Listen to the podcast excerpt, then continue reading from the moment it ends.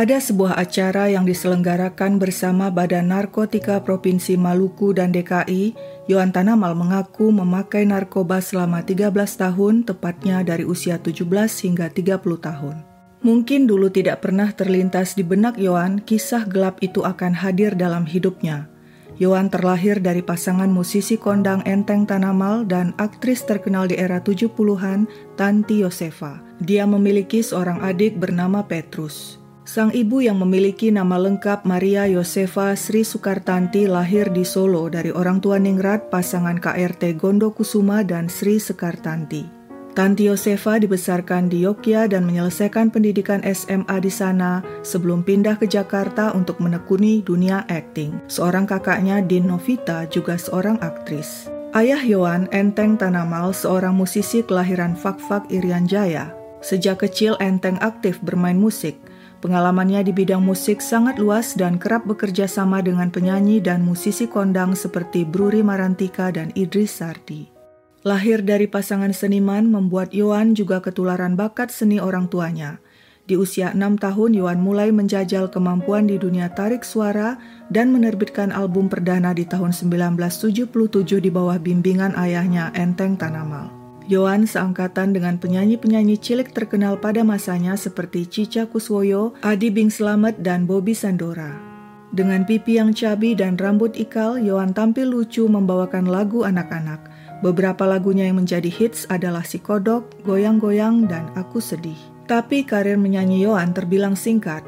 Dia hanya mengeluarkan beberapa album, dan setelah itu namanya seolah tenggelam. Hingga kemudian, Nama Yohan Tanamal tiba-tiba muncul kembali di media di tahun 2002 saat dia tertangkap basah sedang melakukan transaksi narkoba di sebuah kawasan di Jakarta. Saat itu, Yohan berusia 30 tahun. Apa yang terjadi pada Yohan? Mengapa si penyanyi cilik berambut ikal dengan lagu kodoknya yang lucu menjadi seperti itu di usia yang sudah memasuki kepala tiga? Yohan mengaku menjadi pemakai sejak usia 17 tahun. Menurutnya, dia sudah bandel sejak SMP. Kebandelannya semakin menjadi-jadi saat SMA. Apakah hal itu karena perceraian orang tuanya Tanti Yosefa dan Enteng Tanamal? Apakah perpisahan itu yang menyebabkan Yohan terjerumus ke dunia narkoba? Menurut Yohan, tidak. Perceraian orang tuanya tidak ada hubungannya sama sekali dengan hal itu. Yohan tidak playing victim. Dia berkata, Segala hal buruk yang saya lakukan berasal dari diri saya sendiri, termasuk pilihan untuk terjebak dalam dunia narkoba. Saat duduk di bangku SMA, Yohan mulai mengenal berbagai jenis narkoba dari pergaulan. Teman-temannya yang punya banyak masalah biasanya melarikan diri ke narkoba untuk sejenak bisa melupakan problem hidup mereka.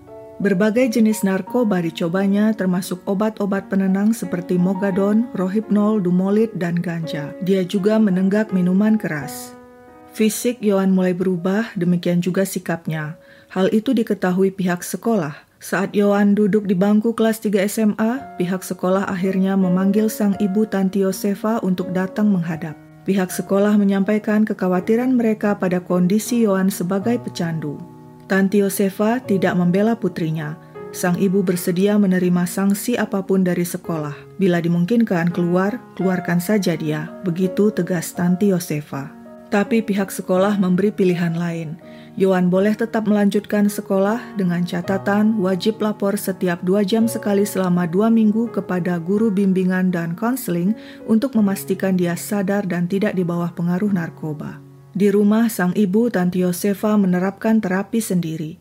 Selain makanan dan minuman sehat, Yohan juga harus melakukan mandi air panas dan air dingin. Selama seminggu, terapi itu terus-menerus dilakukan dan berhasil. Yohan lepas dari kecanduan narkoba dan miras. Yohan berhasil lulus SMA dan melanjutkan pendidikan D3 Sastra Inggris di Universitas Indonesia. Untuk sementara kehidupan Yohan berjalan normal. Namun di awal tahun 90-an, sang ibu Tanti Yosefa didiagnosa menderita kanker kelenjar getah bening dan kanker darah. Yohan terguncang mendengar vonis dokter bahwa ibunya hanya bisa bertahan beberapa bulan saja. Tanti berjuang melawan dua kanker sekaligus. Perekonomian keluarga mulai goncang dan hal itu dirasakan oleh Yohan. Saat itu BPJS belum ada seperti sekarang dan biaya kesehatan ditanggung sendiri. Dibutuhkan kemoterapi berkali-kali dan biaya sekali kemoterapi mencapai 15 juta rupiah. Tanti Yosefa mematahkan vonis dokter yang mengatakan hidupnya cuma tinggal beberapa bulan lagi. Wanita itu bertahan beberapa tahun hingga akhirnya meninggal dunia pada bulan November 1998 akibat serangan jantung. Yohan menangisi kepergian sang ibu. Dia ikut mengantar jenazah sang ibu untuk dimakamkan di makam keluarga di Keranggotan, Imogiri, Bantul, sesuai permintaan terakhir mendiang Tanti Yosefa yang ingin dikuburkan di samping makam ibundanya. Yohan yang ditinggal sang ibu sangat berduka. Dia kini harus mengurus adik satu-satunya. Dia merasakan cobaan yang menimpa keluarganya begitu berat. Yohan jadi pesimis dan menyalahkan semuanya. Dia lebih banyak berkurung di dalam kamar, menangis terisak-isak. Mau Tuhan apa sih? Tanyanya di saat dirinya putus asa. Yohan mengambil jalan pintas dan semu untuk mengatasi problem hidupnya. Dia kembali ke narkoba. Pada saat itu, sebenarnya Yohan juga sudah bekerja di dunia grafis sesuai hobinya menggambar. Di saat itulah dia mulai mencoba putau dengan cara dihisap hingga disuntik. Kecanduannya semakin parah. Dalam sehari dia bisa memakai 2 gram putau yang bisa menghabiskan uang antara 500 ribu hingga 1 juta rupiah. Saat bekerja, setiap setengah jam Yohan harus mengkonsumsi putau. Di loker tempat kerjanya penuh dengan peralatan ngobat seperti jarum suntik dan sebagainya. Namun meski di tengah kondisinya yang kacau itu, Yohan tidak pernah melupakan adiknya Petrus Tanamal dan selalu menanggung biaya sekolah sang adik.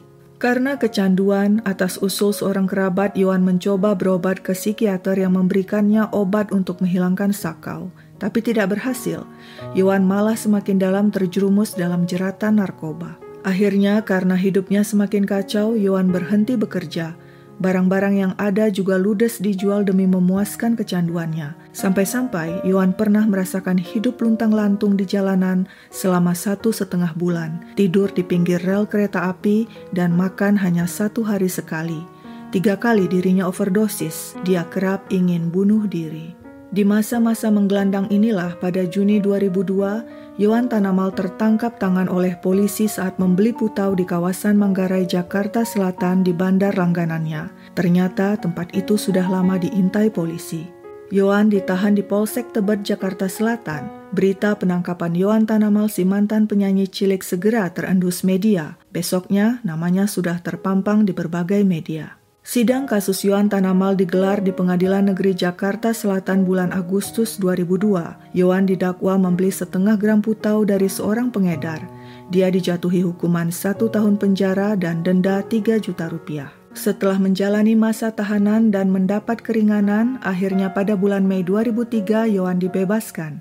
Yohan bisa terbebas dari narkoba tanpa masuk panti rehabilitasi. Dengan semangatnya untuk sembuh, dia bisa meninggalkan benda itu. Yohan masih bersyukur, meski dia harus menjual semua barang-barangnya demi memenuhi kecanduannya, dia tidak sampai menjual diri untuk mendapatkan uang. Menurut Yohan, secara fisik pengguna narkoba memang dapat sembuh, namun secara psikis mereka sulit untuk meninggalkannya. Karena itu, keinginan berhenti dan sembuh harus dari diri sendiri. Yang terpenting, kita juga harus membuka hati dan mendekatkan diri pada Tuhan. Buatlah hidup ini berguna, begitu kata Yohan. Sehubungan dengan soal pecandu narkoba ini, suatu hari seorang temanku mengatakan anaknya sekarang berubah. Makin pendiam, nilai-nilainya di sekolah menurun, dan yang paling aneh, dia suka sekali berlama-lama di kamar mandi. Waktu itu aku menyarankan agar dia mencari tahu apakah anaknya pemakai narkoba. Beberapa waktu berlalu dia menelpon dan berkata, "Benar, ternyata anakku adalah pemakai." Sekian dulu ceritaku, sampai jumpa di cerita lain.